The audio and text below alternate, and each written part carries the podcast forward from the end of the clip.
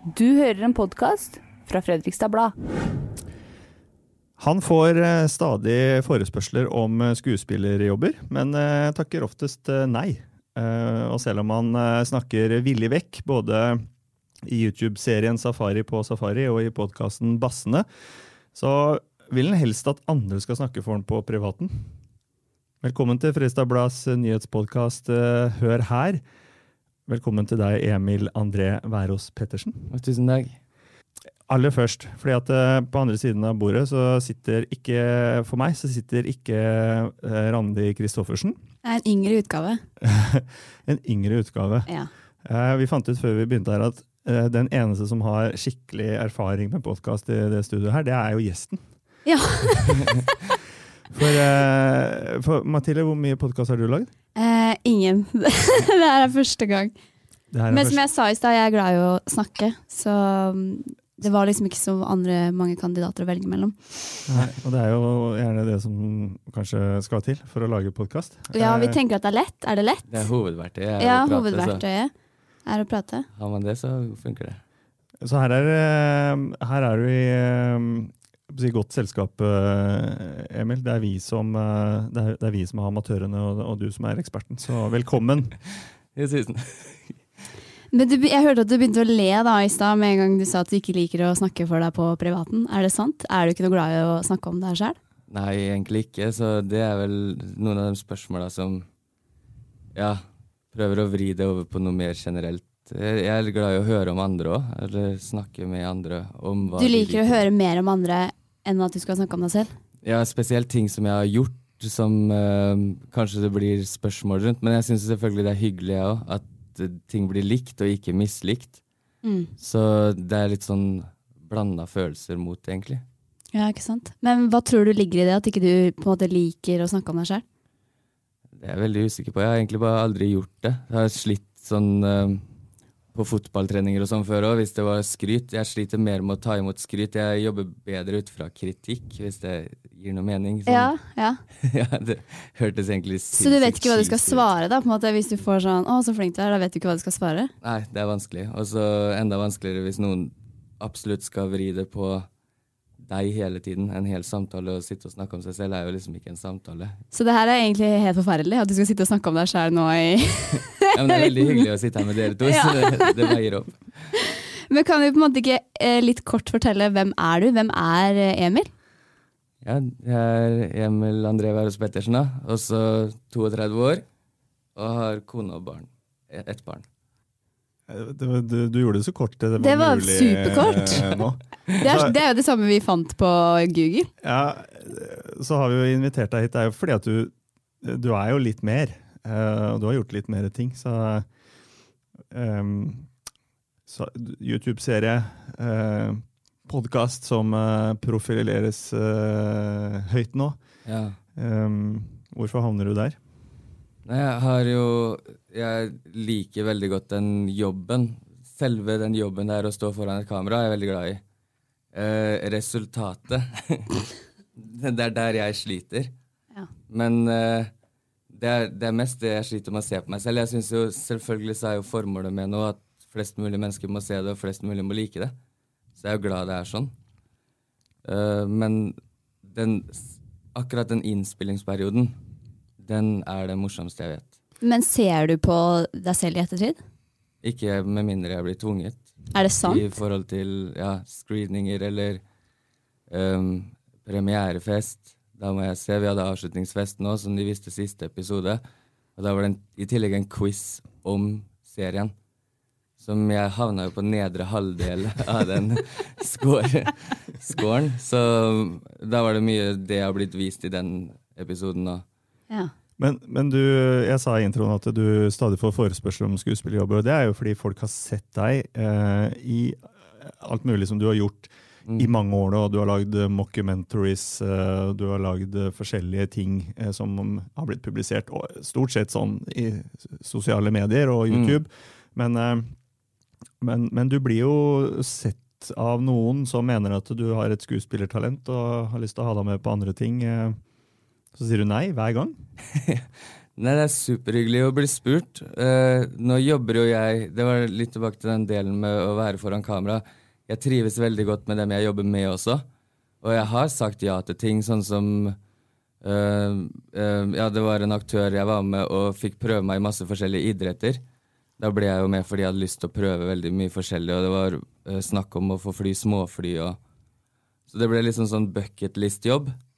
Uh, og så i tillegg å kunne få betalt for den da, var en bonus. Mens andre ting, sånn Også noen av forespørslene her er jo sånn fra brusprodusent har det vært, ikke sant. Sånn som jeg ikke har noe behov for å fronte, og da heller ikke tror at jeg kommer til å trives i den rollen.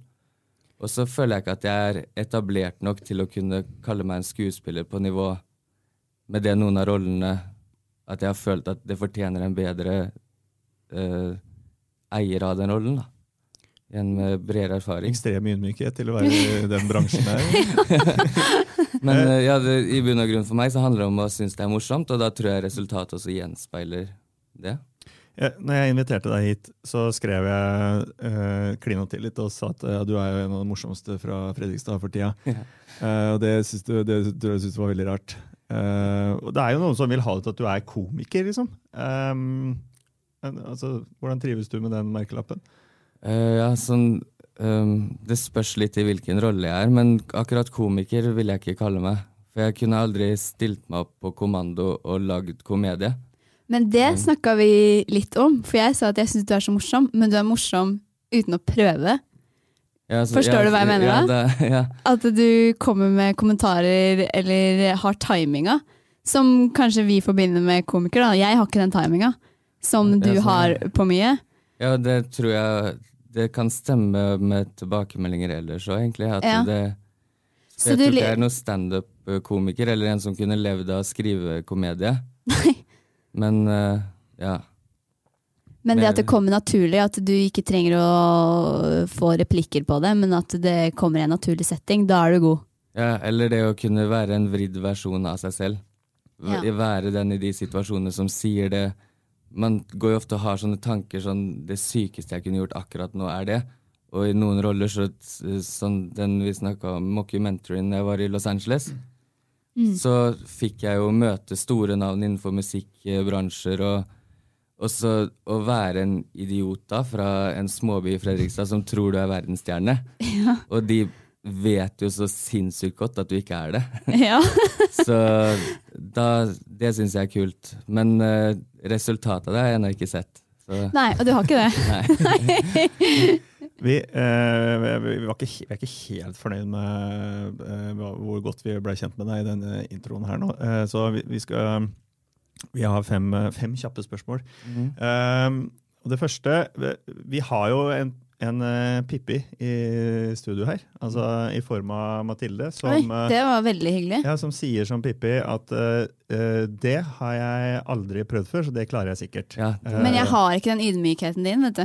Jeg Nei, tror jeg er god på alt. Ja, jo, jo, men, men ikke sant? Uh, Så du er en typisk Pippi. Ja. Men er du en typisk Emil? Eh, I Lønneberget? Jeg tror jeg er mer en blanding av Emil og Pippi. For det samme motto hadde vi når jeg starta bedrift for et par år siden. Så hadde vi det motto på veggen. Er det sant? Ja, Så det Pippi-mottoet er jeg veldig glad i. Jeg er veldig glad i alt som kommer fra barne-TV. Ja. Sånn eh, Kardemommeloven. Hvis alle hadde klart å følge den, så hadde vi jo vært i en perfekt verden. Å, den er fin. Og Kan du ikke si den? Nei, det er vel eh, Er ikke sånn alle må være jo, Du skal være Ja.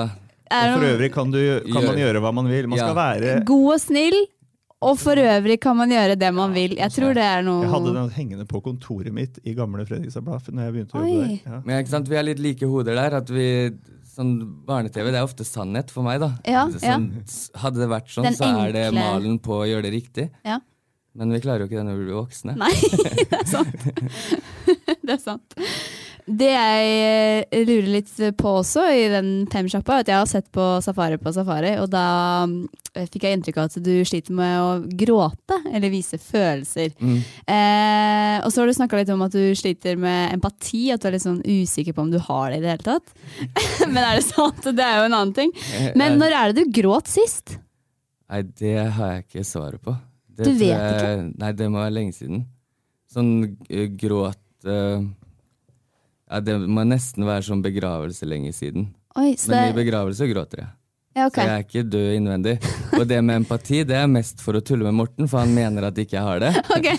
Og noen ganger da i en situasjon som jeg vet at jeg kan framstå lite sympatisk eller empatisk, da, så tweaker jeg på det, og så spør jeg Morten. Så han tror jeg ikke vet om jeg har empati eller ikke. Men det er mer en rolle jeg har bygd internt overfor Morten igjen. Ok, greit. Ikke sant. Som jeg avslører nå. Ja, ok. Ja. Men jeg har det uh, som en sånn rar greie at jeg noen ganger Hvis noen har en uh, greie de tror om meg, så kan jeg spille på den Videre. for å tulle med dem tilbake. da. Ok. Og så vet vi, uh, Mathilde og jeg, fordi vi snakka om det uh, når du kom hit, eh, at du sliter med vond rygg, eh, prolaps. Ja. Det, alle som har hatt det, vet hvor uh, sjukt vondt det kan være. Så eh, har du grint av smerter i ryggen? Nei. Du er, du er tøff, altså. Nei, Ja. men, nei, men smerter Jeg griner ikke av jeg, øh, Grining for meg må være følelser. Derfor ikke jeg skjønner den øh, Spesielt når, hvis vi refererer til Safari på safari, å Ja. se hval eller å se en elg. Dere må jo være litt enige med meg at ja, men det er rart. det å presse fram tårer i den situasjonen, det er ikke alle Men når man er der, så er det en annen stemning, så jeg kan sette meg inn i hvorfor de gjør det. Ja, men du blir på en måte Jeg kan jo bli veldig revet med i en situasjon. da Ja. Sånn at Hvis jeg ser andre gråte, så blir jeg litt sånn får jeg følelser jeg også, så begynner jeg å gråte. Men du er Nei. Uh, Notting Hill, den knekker meg litt. Oi! Den Ja. Der, eh, men Ja, for eh, den det er mange år siden jeg har grint han, men de første to gangene eller sånn, da må jeg ha vært sånn 14-15. så, så tok den meg. Jeg må innrømme jeg har vært i noen begravelser sånn i embets medfør til folk jeg ikke engang vet hvem er. Ja. Og jeg kan begynne å grine av at Mm. andre er lei seg. Ja, men Mm. mm, Ja, jeg kjenner meg Den igjen. kjenner jeg meg igjen i. Begravelser er harde, ass. Uansett. Ja, ja. Eh, Ehm, brå overgang fra begravelse. Neste spørsmål. Hva irriterer du deg mest over? Uh, latskap. Ja. Eh, Hos andre? Ja. Ja, okay. For du er, ikke, du er ikke lat? Jeg vil ikke si det. Jeg er lat på noen ting. Sånn, hadde du spurt kona mi, så kommer det sikkert fram noen steder jeg er lat. Men uh, latskap i forhold til uh, Ja, sånn uh, på barnenivå og ungdomsnivå, så skjønner jeg Jeg har forståelse for at det liksom, hodet kan drifte litt og sånn. Men etter en viss alder, og så latskap med unnskyldninger. Da er du på en dum kombo, syns jeg. Tenker du på fysisk latskap som i å ikke gidde gjøre ting, eller type sånn meningslatskap? Ikke gidde stå opp for noe, eller Ja, det tror jeg er litt begge deler. Sånn, uh, veldig mange mennesker går med en drøm. Mm. Uh, og ofte så er det som står mellom eh, et menneske og en drøm, bare latskap. Fordi med eh, riktig type jobb og fokusert jobb og, og Jeg tror den største tingen som irriterer meg sånn sett, er TV. Uh, unyttig bruk av TV. Da. Hvis du ser dokumentarfilmer du har lyst til å utvikle deg sjøl, TV er sinnssykt fett. Men det å snakke om en drøm på dagtid, så unnskylde drømmen din med at jeg jobber åtte til fire, har ikke tid til å gjennomføre det, så drar jeg hjem og ser på TV.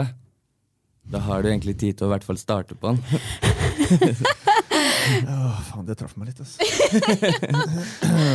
Ja, men- det, er- og, hvis- men det, på en annen side, hvis man er lat og eier det, Ok, så det er vær greit. så god. For Ok. alle mennesker er jo født forskjellige. Og, men jeg tror latskap i forbindelse med at folk vil få til noe, og snakke høyt om at de vil få til noe.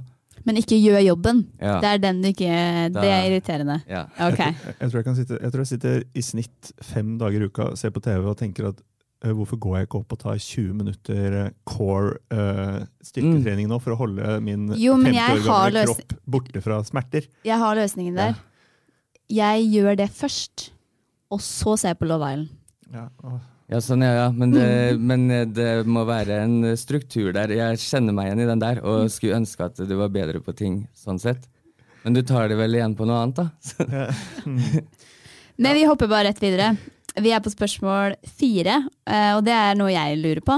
Og det er eh, har du noen guilty pleasures? Um, nei, det Jeg føler det sier mye om uh, Ja, Om den er det? vanskelig å svare på, altså. Ja? Eh, jeg kommer ikke på noen sånn veldig akkurat nå. Nei? Men eh, ja, hvis jeg, hvis jeg skal velge film eller sånn på, og skal slappe av, da, Ja. så ser jeg ofte en romantisk komedie jeg har sett før. Jeg er ikke så glad i den nye å bli overraska med noe nytt, eller å risikere at noe nytt er dårlig. Ok, Det er derfor Forest Gump og Notting Hill de, og Friends-serien For da vet du at du får en god. Der kan jeg replikker utenat. Ok. Er nok ok, vi har siste spørsmål, og det er hva er det som står øverst på bucketlista di? mm, Det Jeg tror hvis jeg hadde Det er litt sånn vanskelig spørsmål òg, men hadde jeg blitt kvitt flyskrekken min, Ja. så skulle jeg ønske at jeg reiste mer. Jeg er veldig knytta til der jeg bor, og akkurat nå så er det Fredrikstad. Så jeg er veldig hjemmeskjær uansett hvor jeg er. ja. Jeg vil hjem. Så, Men du har med Hvis jeg drar et sted på flyferie, da, og jeg lander og jeg skal fly hjem igjen om 21 dager, så vet jeg jo at uh, om 21 dager skal jeg på fly igjen, og da tenker jeg på det. Oi. Men flyskrekk, hvordan Er det helt ekstremt, eller? eh, Mm, den ja. er heavy. Ja. Så jeg er medisinert når jeg flyr, og det har kommet i eldre alder, etter hvert som jeg har blitt glad i flere mennesker og sånn. Ja. For uh, jeg tror jo det at skulle jeg forsvinne i en flyulykke, så er jeg den som slipper billigst unna. Men uh, har flyskrekk for å etterlate andre, eller FOMO, da. Fear of missing out på resten. um, du sa akkurat nå bor du i Fredrikstad. Uh, du flytta til Fredrikstad som uh, 13-åring. Mm. Um, men du, du preker jo mer eh, dialekt kanskje enn mange på din egen alder. Jeg vet ikke hvor- Hvorfor det? Jeg tror um, Jeg flytta jo til Fredrikstad etter å ha bodd mange år i andre land. Uh, var ikke så stabil i norsk når jeg flytta hit, så fram til jeg flytta hit, så hadde jeg en veldig utvanna Lillehammer-dialekt. Uh, pappa er fra Fredrikstad, så han uh, preker nok litt mer. Han er jo snart 60. Så, og den generasjonen har jo mye mer utprega dialekt. Eh, og så tror jeg da at jeg først og fremst kom hit og var veldig lett å forme. Snakka dårlig norsk og var be, bedre i engelsk. Og så på sikt um, så ble det nok det Jeg fikk noen år i kommunen og jobba der. Og der føler jeg at eh, man prater mer dialekt og er mer Jeg har også litt den kommunelagerhumoren fått litt etter hvert. Skjønner, hvis det gir noe mening. Ja. At, uh, Jeg vil skjønne akkurat hva du snakker om. ja, og den, den syns jeg er så sinnssykt fin, for det er så ærlig humor. Ja. Så um, jeg føler litt at jeg har nok med både dialekta og uh, har arva litt av de menneskene jeg har jobba med i sånne typer jobber opp igjennom. da. Er, er du stolt av Fredrikstad? Veldig. Jeg syns det er en uh, sinnssykt fin by med fine mennesker, og så er det eh, I forhold til veldig mange andre byer og, og steder i Norge som jeg har bodd, så er vi et mer hilsende folkeslag. Selv om man ofte må ut i skogen for å si hella til noen, ja. så, så er det mye mer her enn andre steder, føler jeg. Og sånn spesielt fra jeg, jeg var vant til som liten å bo i USA og sånn, som du hilser i heisen og har en tre minutter samtale på vei opp heisen, og er vant til å se voksne i den settinga, til å komme hit og da si hei til hver sjette, hvert sjette menneske man møter. Men hvordan var den overgangen da? Nei, jeg syns det var eh, veldig rart. Var du han rare liksom, som skulle snakke med alle? Jeg tror det. Og den første opplevelsen jeg hadde fra Norge, var jo det at alle gutta gikk i silkebokser, og så ble jeg dratt av shortsen i lunsjpausa ganske tidlig når jeg bodde her, og var den eneste som gikk i sånne tighty whities. Den med trusene for gutt, vet du. Og det ble Sånn klovnetruse? Nei, sånn helt vanlig hvit Ja, ja. bomullstruse, liksom. Ja. så jeg Ja. Men eh, jeg tror også det er mye av grunnen til at jeg har veldig enkelt for å sette meg inn i fremmede situasjoner. og sånn, At jeg bytta skole annethvert år i oppveksten og eh, måtte bli en kameleon. da, fordi du, Å passe inn i Japan betyr ikke at du passer inn i Australia eller Spania, f.eks. Men du sa også at du bor i Fredrikstad akkurat nå. Betyr det at du, du ser for deg at du kommer til å bo et annet sted senere i livet? Jeg er usikker. Jeg har en kone fra Bergen. Jeg har prøvd å bo der i et år, men da ble jeg værsjuk. Men det er også hyggelige folk eh, der borte. Så, men eh, jeg savner Lillehammer veldig, og har bodd der i voksen alder. Så og det er litt vanskelig å få med en som er fra Bergen sentrum, til å flytte til Fredrikstad, som er en enda mindre by, og så Lillehammer. Men jeg, jeg kan se for meg å bo i Fredrikstad lenge. Altså, nå har jeg bodd der i tre år, etter at jeg var ferdig å studere og var tilbake. Så det er derfor jeg sier at nå bor jeg i Fredrikstad, for jeg har bodd borte mesteparten av 20-åra òg.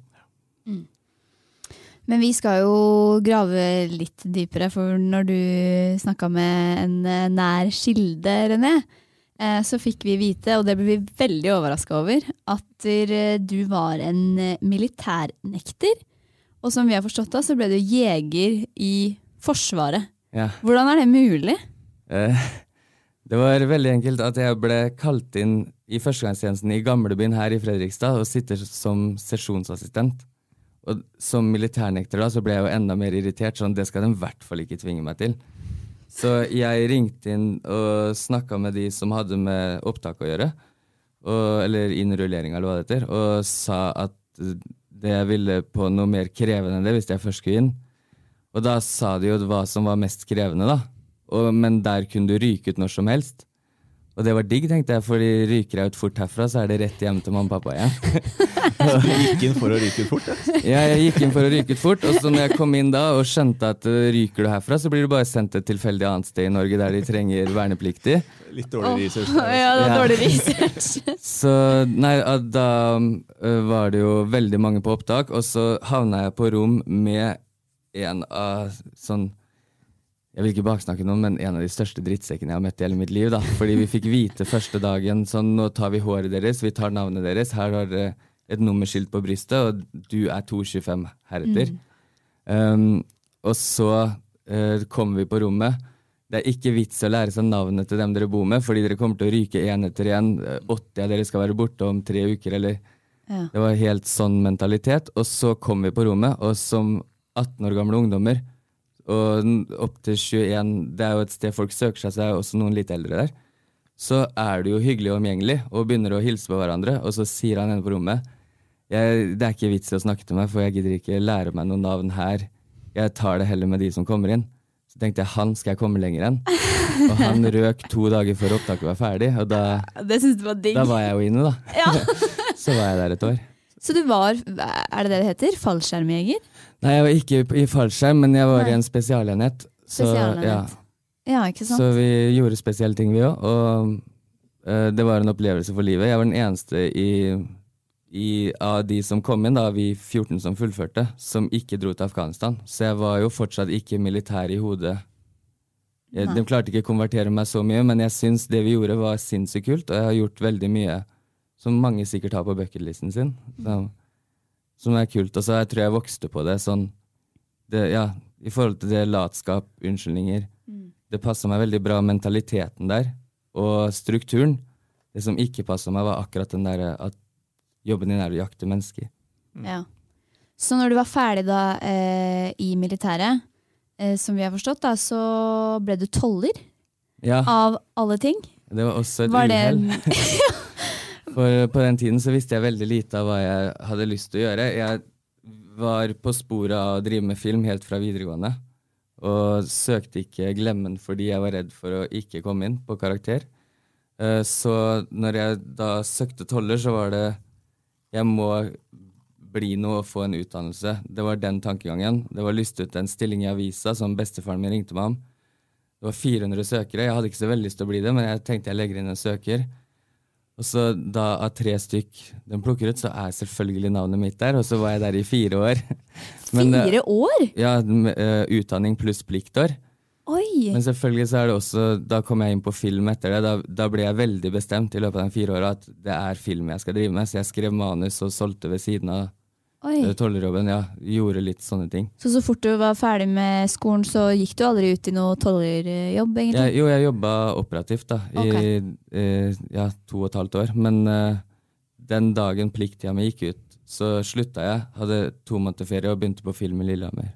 Så du rakk ikke å bli med på den serien 12, som du da Nei. kunne kombinert er litt- med TV? Det er veldig sant. Dritt, da. Eh, Du har gjort en god profil, det. og når du søkte en dokumentarregilinje på Lillehammer, da var det ti plasser. eh, og du fikk dårligere tid enn alle andre til å skrive manuset som var opptaksprøva. Men, men der òg, så kom du inn. Ja. Når vi snakker sammen, så hører jeg Du er litt irriterende. sånn klegg. Nei, Eh, jeg, Denne folkelige Jo Nesbø-aktige sånn, eh. Hvordan får du det til, da? Hvorfor, eh, hva er det med deg ja, som gjør at du slipper inn eh, trange nåløyer overalt? Nei, det er det. Skal jeg være helt ærlig, så tror jeg veldig mye har med det uhellet at jeg kom inn der jeg gjorde i militæret. Fordi når den står på CV-en, så mm, folk forbinder den eh, retningen i militæret med veldig pålitelig og utholdende. Eh, Det tror jeg også var grunnen til at jeg kom inn i tollvesener, pluss at jeg snakka jo spansk og engelsk flytende. Så jeg hadde liksom det tredje språket ved siden av engelsk. Eh, når de spurte meg der, for jeg hadde jo vanvittig høyt fravær på videregående, jeg var ikke glad i skolen i hele tatt. Uh, så det var snakk om sånn Jeg har ikke lyst til å si det, men det er godt over 100 timer i tillegg til noen uker og sånn, ikke sant. Uh, spurte meg der hvorfor jeg hadde havna i den situasjonen. Jeg sa jeg tror jeg bare brukte litt lang tid på å bli voksen, og jeg føler det var der jeg fikk tollerjobben. At jeg var såpass ærlig. Og etter jeger og toller på CV-en, så tror jeg du bare kommer inn på hva som helst. Jeg tror det er knekkekoden hans. Ja. Eh, jeg ser jo eh, du har på deg et eget eh, merke i dag. Rebellkollektivet. Og jeg er litt sånn nysgjerrig på hva det egentlig er, for det er jo ikke bare et klesmerke. Kan du ikke fortelle litt, hva er Rebellkollektivet? Det var jeg og en veldig likesinna kompis som også hadde vært i veldig mye forskjellige jobber og sånn opp gjennom 20-åra, eh, som er ingeniørutdanna. Vi fant ut det at når du har så mange jobber på så kort tid og ikke finner det du trives med, så må det være mulig å kombinere alt. Så vi, det er det vi har gjort, rett og slett. Vi har skrevet uh, forretningsplaner, og så har vi henta inn de folka vi har lyst til å jobbe med. Sånn elektriker, tømrer, møbelsnekker, glassmester. Um, en som driver med planter, klær. Ja, hvordan Så- type oppdrag eh, er det dere får, på en måte? Alt fra folk som har lyst til å gjøre noe helt sinnssykt eh, hjemme med oppussing og tømrer og, og tenke flere fagfelt sammen, til i morgen skal jeg filme bryllup. Sånn, det er både stort og smått, og, men det viktigste er at vi har veldig varierte dager. Jeg starta dagen min på verkstedet i dag, så var jeg nedom kontoret, så er jeg her. Og safari på safari, alt er jo Det er jo rebellkollektivet jeg jobber i og drar som representant av. holdt jeg på å si. Det er mitt firma, det er det jeg brenner for. Mm. Men det er et miljøtankesett som ligger i bunn for alt dette her. ikke sant? Ja, vi vil være Uansett hva folk har lyst til å gjøre, om det er unødvendig, kommer man til å gjøre det uansett, så har vi lyst til å levere det bedre for jordas framtid enn konkurrentene gjør. Fordi vi, vi tror på forskning og føler at vi er på vei i litt gæren retning. Så alle små påvirkninger, om det tvinger noen som er enda større enn oss, til å gjøre om på sine rutiner, så er jo det en sånn dominoeffekt vi veldig gjerne har lyst til å skape, selv om ikke det er sånn at vi får alle jobber på bakgrunn av det. Men hvorfor engasjerer du seg så mye i bærekraft og miljø? Nei, jeg tror der er det tilbake til barneskoleåra i utlandet. At eh, spesielt eh, Spania, Japan, Australia var veldig stort fokus på eh, klima. Hvor mye regnskog som ble borte. Så jeg har med fra jeg var åtte-ni år gammel. Og så har jo prognosene sånn etter hvert som man har begynt å lese egen Ikke at jeg sitter og leser forskningsrapporter, men jeg liker å sammenligne, i hvert fall i dag, da, som alt eh, spres. Noe fra seriøse kilder, noe useriøse. Men Så du overskriften på VG i dag? Nei, jeg har ikke vært inne ennå. Golfstrømmen. Golfstrømmen kollapser. oh. Ja, men ikke sant? Det er sånne grunner til å få panikk hele tiden. Og så Ja. tror jeg det viktigste er å ikke få total panikk, og heller ikke å skyve på andre vilja si. Sånn som nå, jeg tar ikke opp at vi driver klimaretta før du spør, men jeg syns det er hyggelig dem som kommer til oss av det. Men du trenger ikke vite at det er bedre for klimaet heller. Hvis du bare har lyst til å gjøre noe, så gjør vi den jobben. Så har vi bedre samvittighet med oss sjøl, og så kanskje vi klarer å lage en større endring. Ja. Du, eh, du blir beskrevet som en sånn rastløs uh, type. Eh, Hva er neste prosjekt? Nå er det jo veldig mange som spør om Safari på Safari sesong tre. Så vi får se. Det er jo sånn Det ligger jo i korta at jeg sier ja hvis det blir det. Um, bortsett fra det så har vi noe oppussinger gående. Litt møbeldesign. Uh, driver og har gjort ferdig butikken nede på Evika nå, som jeg syns er veldig morsomt å både stå og jobbe i og drive med. Så er jo folk ferdig i ferie, så hva som helst kan dukke opp rundt. uh, det spørs. Jeg er med på det meste. Foran kamera og mikrofon så kan man få inntrykk av at du, den kalde rollen du spiller, da, litt sånn dum og naiv eh, type, Mm. eh, som jo er eh, helt i strid med den vi nå eh, blir kjent med. Er det så, I arbeidslivet, for eksempel, for, eh, blir det et problem? Nei, altså, For det første syns jeg det er veldig hyggelig å høre det. At dere skiller på hvem dere har sett og hvem dere snakker med. For det er det jeg syns er mest ubehagelig med å bli gjenkjent. Spesielt i og med at jeg heter Emil i det meste jeg har gjort. Uh, unntatt den i LA. Da nekta jeg. Da skulle det være skinny. Navnet Emil skulle ikke være med én gang. Uh, men det er det jeg sliter veldig med, at når jeg møter noen på butikken og sånn, jeg synes det flaueste jeg vet, er hvis jeg kjenner noen, og jeg ikke husker det. Så når folk sier Emil til meg, så blir det automatisk sånn hei, takk for sist, og så får jeg heller avdekke da at vi ikke har møtt hverandre før. Og da er jeg alltid veldig usikker etterpå. Ikke alltid, men uh, jeg kan ofte bli usikker på hvem tror de at de snakka med nå. Hvem av karakterene jeg har spilt, eller skjønner de at uh, det er karakterer? Ja, For det, blir kan jo nesten dokumentarpreg på noe av det vi gjør. Mm. Ikke sant? Så- Det tenker jeg på Safari på Safari. Det må være mange som tenker at sånn er du hele tiden. Ja, og jeg Eh. er jo, det er nok sånn jeg også blir, er på jobb, og kanskje mange føler de møter meg sånn, men det er jo en litt vridd versjon av meg selv. Det er jo en meg med et oppdrag, Ja, ikke bare jeg som slapper av og er meg sjøl. ja, ja. ja, ja. Men eh, kommer mange bort og forventer at du skal eh, være morsom, eller forventer at du skal være energisk? Føler du litt på det presset når du er sammen med folk? Nei, egentlig ikke, men tar, sånn som du sa, at jeg er litt rastløs og sånn, så jeg er nok født med den ekstra uh, At det er ofte et gir ekstra, og så kan jeg heller synes at jeg var litt mye sjøl i ettertid, og begynne å, å tenke sånn Kanskje alle syns jeg var litt mye nå. uh, og den føler jeg nesten at har jevna seg mer ut etter hvert som jeg har vært så mye foran på ting, at man trekker seg litt tilbake og Men jeg er også litt nysgjerrig. Er det du som eh, får forespørsel om å være foran kamera, eller er det noe du ønsker selv? Det er alt jeg har gjort eh, etter jeg gjorde Emil på månen, som var noe av det første. Mm. Så har alle forespørsler kommet til meg. Ja. Og det tror jeg er uh, Det er den eneste måten jeg hadde klart å gjøre det på. Jeg har vært på én audition i hele mitt liv for uh, piano- og sjokoladepudding. Den fikk jeg ikke. Nei! Og da var det gjennom en podkast jeg var med i, som jeg og han andre skulle dra og Ja, det var Morten, faktisk, som skulle dra og ha audition mot hverandre. Så Men Er du glad i sjokoladepudding? veldig.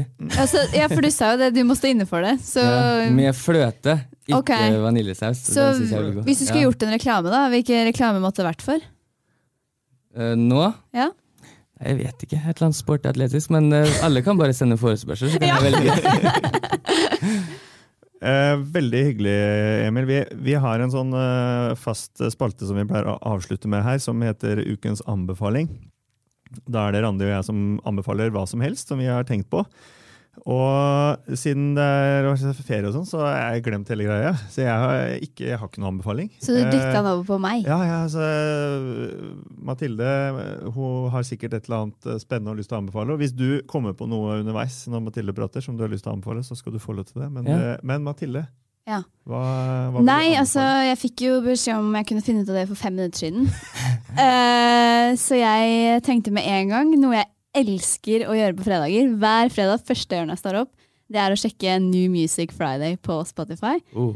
Ja, jeg syns det er så deilig å finne ny musikk sånn inn mot helga, og så blir jeg sykt fort lei av musikk. Sånn, jeg, jeg kan høre på en låt, og da hører jeg den i hjel i løpet av en dag, liksom. Eh, og, så, og så hører jeg ikke noe mer på den. Så mitt tips er å bruke fredagene på New Music Friday. Så finner du ny musikk inn mot helga. Det tipset kan det godt hende jeg skal gjøre òg. Og så mens man gjør det, så kan jeg tipse om at uh, kom deg opp på sofaen og gjør det du har lyst til å gjøre. ikke ligge og være lat i dag.